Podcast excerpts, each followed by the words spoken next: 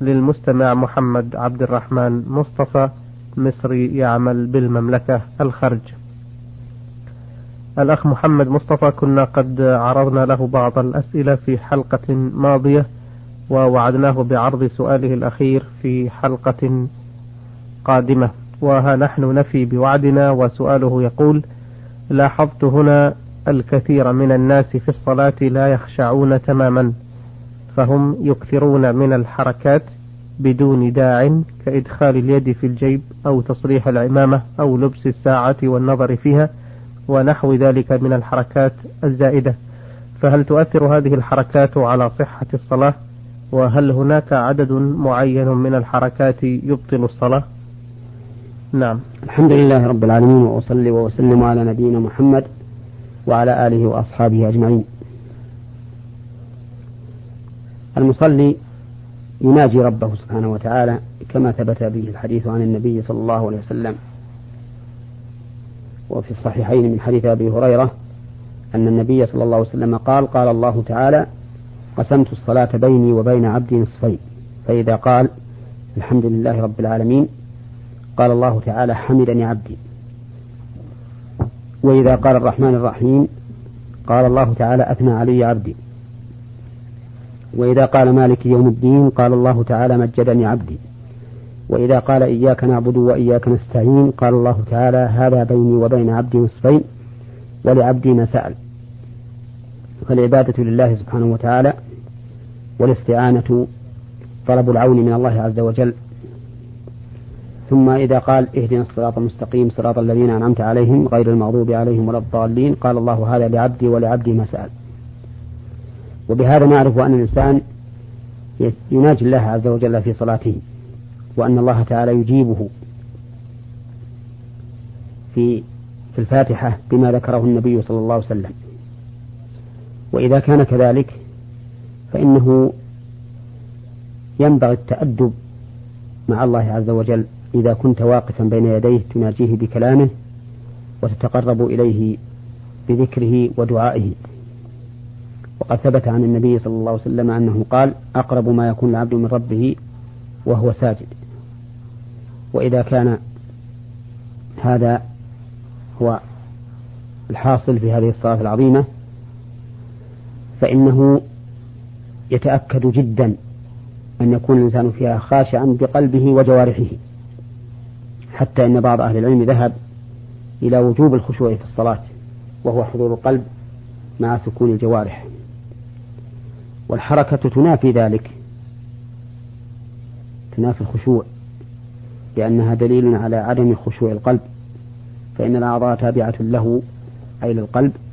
قال النبي عليه الصلاة والسلام ألا وإن في الجسد مضغة؟ إذا صلحت صلح الجسد كله. وإذا فسدت فسد الجسد كله. ألا وهي القلب. نعم. فهؤلاء الذين ذكر السائل عنهم أنهم يعبثون في صلاتهم بما لا حاجة لهم فيه لا شك أنهم نقصوا صلاتهم هذه فإن الحركة بغير, بغير حاجة مكروهة في الصلاة. وإن أدت أو وإن كثرت وتوالت فإنها تبطلها. فإصلاح الساعة والنظر إليها والنظر, في القلم والعبث باللحية أو بالأنف وما أشبه ذلك كل هذا من الحركات المكروهة. وبهذه المناسبة أود أن أبين أن الحركة في الصلاة خمسة أنواع نعم النوع الأول حركة واجبة وذلك فيما إذا توقف عليها صحة الصلاة فكل حركة تتوقف عليها صحة الصلاة فإنها واجبة سواء كانت ذلك سواء كانت تلك الحركة لفعل مأمور أو لترك أو لترك محظور. نعم. مثال فعل المأمور رجل يصلي إلى غير القبلة. فجاءه شخص فقال له القبلة عن يمينك. فهنا يجب عليه أن يتجه إلى اليمين. نعم. وهذه حركة للقيام بأمر واجب وهو استقبال القبلة. نعم. وهذا إنما يكون في البر في محل الاجتهاد. أما في البلد فإنه إذا صلى بغير اجتهاد فإنه يعيد الصلاة من جديد إذا بين له أنه ليس إلى القبلة. ودليل هذه المسألة أن رجلا جاء إلى أهل قباء وهم يصلون متجهين إلى بيت المقدس بعد أن حولت القبلة إلى الكعبة وهم لا يدرون ذلك وكانوا في صلاة الفجر فقال لهم الرجل إن, إن النبي صلى الله عليه وسلم أنزل عليه قرآن وقد أمر أن يستقبل القبلة فاستقبلوها. انصرفوا من جهة بيت المقدس إلى جهة الكعبة. نعم. وهذا الانصراف واجب لأنه لتحصيل واجب. ومثال ما يكون لترك محظور ما لو تذكر الإنسان في أثناء صلاته أن عباءته يعني مشلحه أو غترته أو منديله الذي في جيبه فيه نجاسة. فإنه في هذه الحال يجب أن يزيله في الحال. وهذه حركة للتخلص من محظور. نعم. ودليل ذلك أن النبي صلى الله عليه وسلم كان يصلي في أصحابه وكان عليه الصلاة والسلام يصلي في عليه فخلعهما. فلما خلعهما خلع الناس نعالهم. فلما سلم سألهم ما ما بالهم خلعوا نعالهم فقالوا رأيناك خلعت عليك فخلعنا, فخلعنا نعالنا. فقال صلى الله عليه وسلم إن جبريل أتاني فذكر لي فيهما أذى أو قال قدرا فخلعتهما. ومعلوم أن خلع النعلين أو الغترة أو ما أشبهها حركة لكنها حركة للتخلص من محظور. نعم. فكانت واجبة. هذا قسم وهي الحركة الواجبة. القسم الثاني حركة مستحبة. وذلك فيما إذا كان يترتب عليها حصول مستحب في الصلاة. نعم. مثل أن يتقدم الإنسان إلى فرجة في الصف الذي أمامه ليصل بها الصف. ومثل أن يكون قد صف عن يسار الإمام فيحوله الإمام إلى يمينه. ومثل أن يصطف اثنان جماعة فيأتي ثالث فيحول المأموم إلى أن يصف معه كل هذه حركات مستحبة لأنها لتكميل الصلاة والحصول على مستحباتها نعم. فتكون مستحبة القسم الثالث محرمة وهي الحركة الكثيرة المتوالية بدون ضرورة. نعم. كالعبث الكثير بحيث يشعر من رأى هذا الرجل أنه لا يصلي لكثرة عبثه وحركته. فهذه تبطل الصلاة لأنه خرج بالصلاة عن موضوعها. والصحيح أنها لا تتقيد بثلاث حركات أو نحوها بل ما كثر عرفا وتوالى فإنه مبطل للصلاة لأنه يخرج الصلاة عن موضوعها وعن ما ينبغي أن تكون عليه من الخشوع والسكون. القسم الرابع حركة مباحة وهي اليسيرة للحاجة نعم. والكثيرة للضرورة. أما الكثيرة للضرورة فمثل أن يكون الإنسان أن يقوم الإنسان في صلاته فإذا بعدو يفجأه يغير عليه. ففي هذه الحال له أن يهرب منه ولو كان يصلي ولو حصل بذلك حركة كثيرة. ومثل أن يهاجمه سبع أو حية أو نحو ذلك فيسعى في مدافعتها أو القضاء عليها بحركة كثيرة وهو في الصلاة فلا حرج عليه في ذلك نعم. لأنها ضرورة. ودليله قوله تعالى فإن خفتم فرجالا أو ركبانا. رجالا يعني ماشيين على أرجلكم. نعم.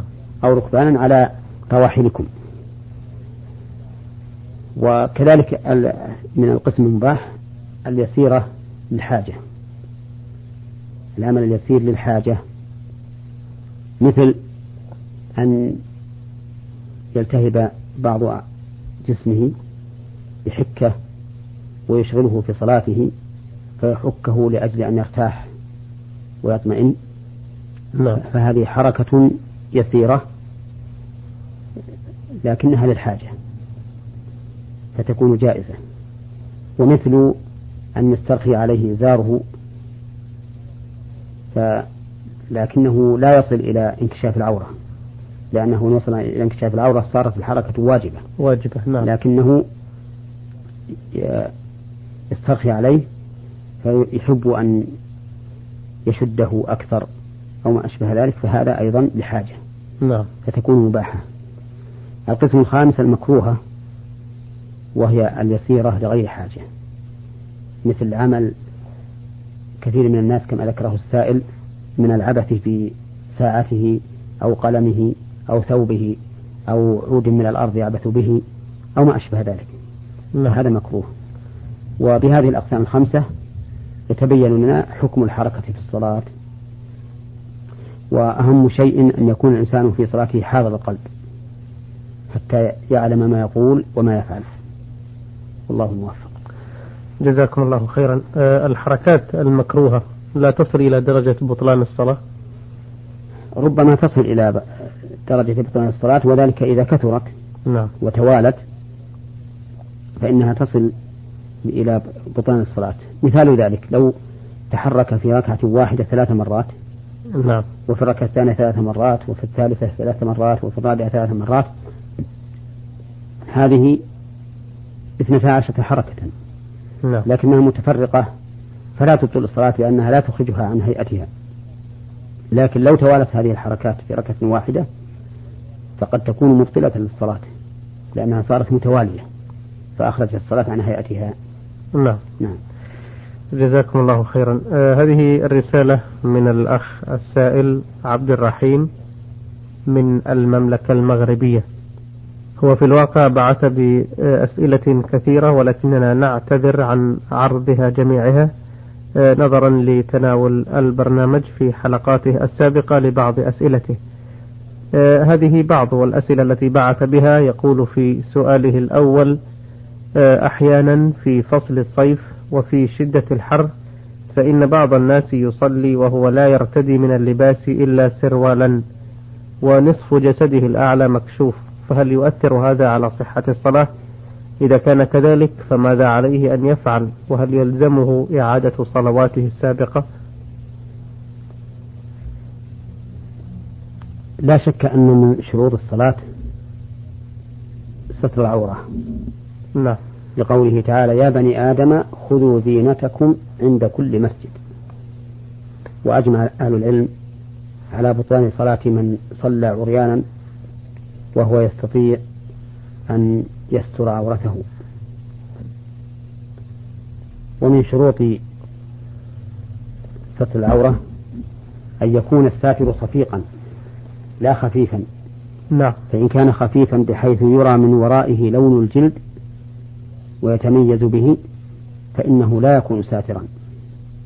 وبناء على ذلك فإنه يجب على المسلم في أيام الحر أن يحترز من هذا النوع من اللباس أعني النوع الخفيف الذي يتبين به لون الجل... يتبين من ورائه لون البشرة أي لون الجلد. وعورة الرجل في صلاته ما بين سرته وركبته فلا بد أن يستر هذه المنطقة كلها بثوب صفيق لا يتبين من ورائه لون البشرة. وعلى هذا فإن ما ذكره السائل من كون المصلي يقتصر على السروال بدون أن يكون عليه رداء أو قميص فإن صلاته صحيحة. ما دام قد ستر ما بين السرة والركبة.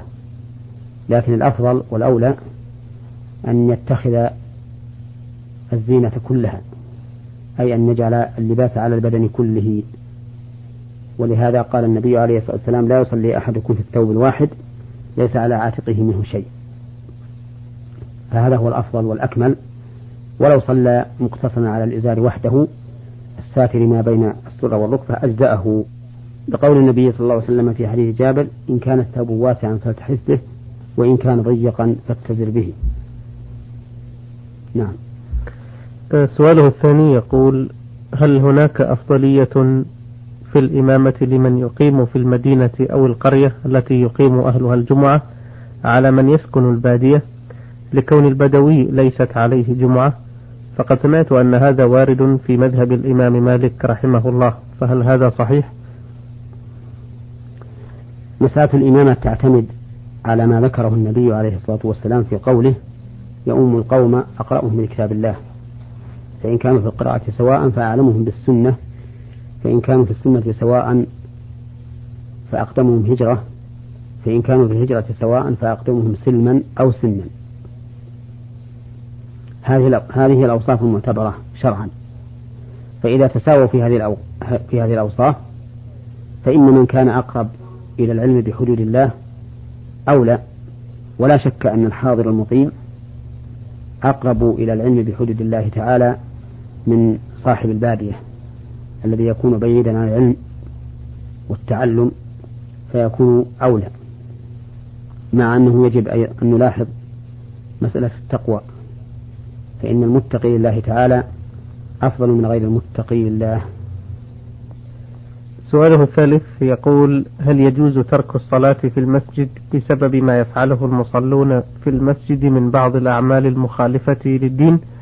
ومن الدعاء لأناس لا يستحقون الدعاء لهم.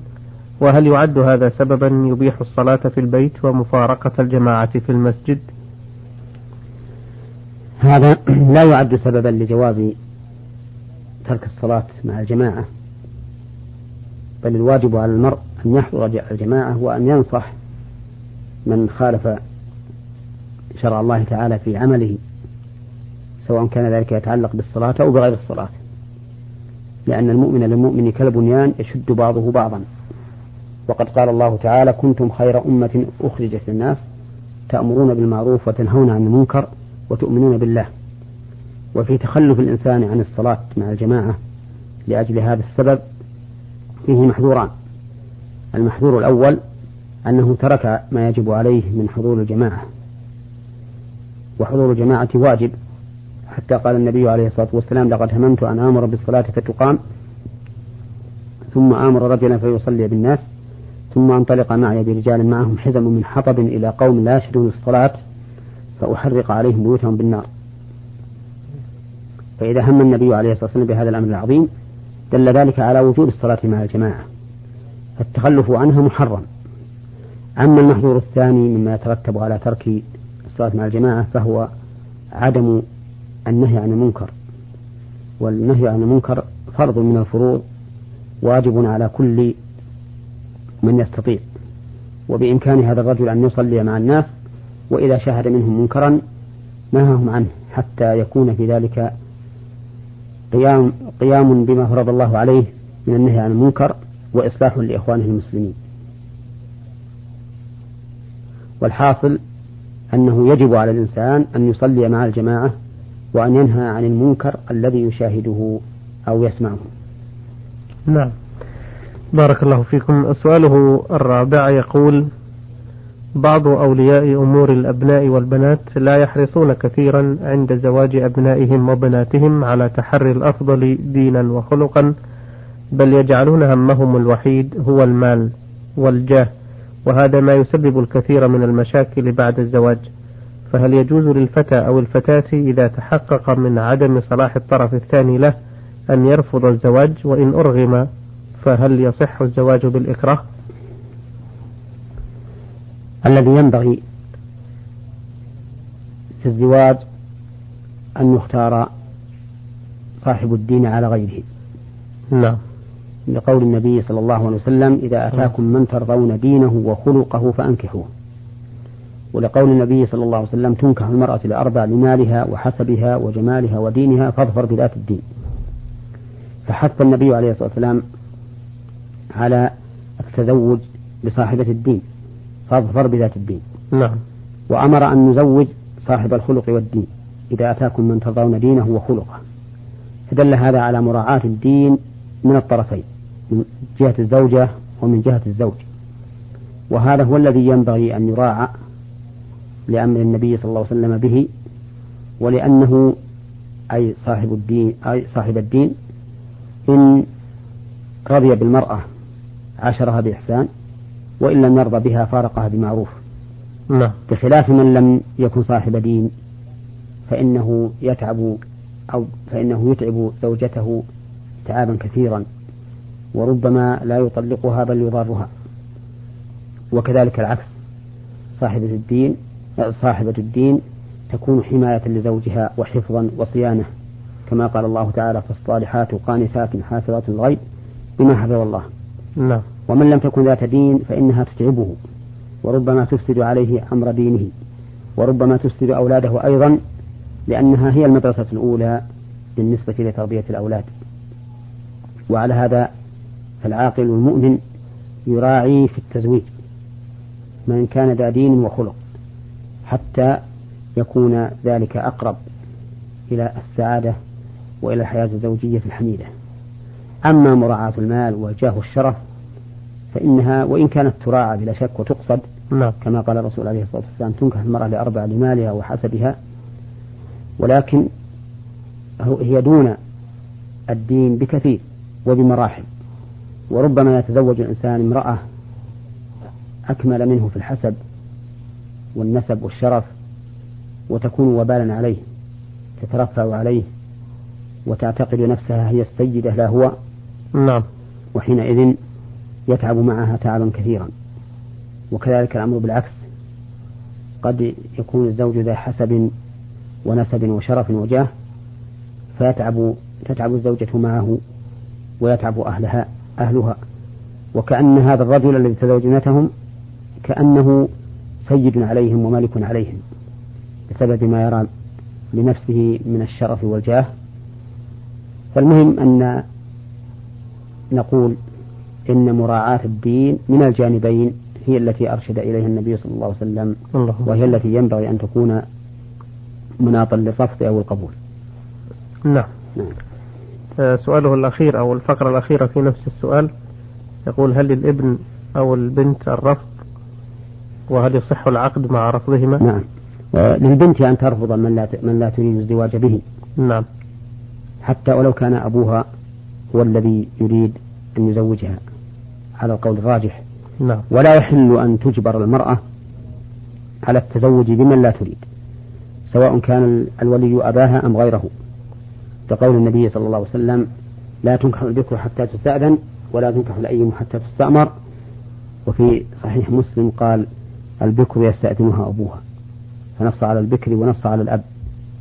وأما تجويز بعض أهل العلم للأب أن يزوج ابنته بدون رضاها فإنه قول ضعيف ولا دليل عليه لا من أثر ولا من نظر. وأما الاستدلال بتزويج أبي بكر رضي الله عنه لابنته عائشة النبي صلى الله عليه وسلم فهذا قياس بعيد لأن لأننا لا نجد رجلا كأبي بكر رضي الله عنه في الثقة والأمانة في تزويج ابنته. ولا نجد زوجا كرسول الله صلى الله عليه وسلم حيث إننا نعلم علم اليقين أن عائشة رضي الله عنها سترضى به. ولهذا لما خيرها النبي لما أمر الله نبيه أن يخير زوجاته بالبقاء معه نعم. أو بتسبيحهن بدأ رضي بدأ النبي صلى الله عليه وسلم بعائشة رضي الله عنها وخيرها. وقال له وقال لها ليس عليك أن تستأمري أبويك. يعني ما ليس عليك بأس نعم. أن تشاوريهم. فقالت يا رسول الله أفي هذا أستأمر أبوي إني أختار الله ورسوله. فالذي يقيس الآباء في هذا الزمان على أبي بكر رضي الله عنه في تزويجه عائشة النبي صلى الله عليه وسلم قاس في غير قاس قياسا ليس بصحيح. نعم. لأن القياس لا بد فيه من تساوي الأصل والفرع في العلة. والتساوي هنا ممنوع جدا. فإكراه بعض الآباء لبناتهم على أن يتزوجن بمن لا يرد هذا محرم عليهم.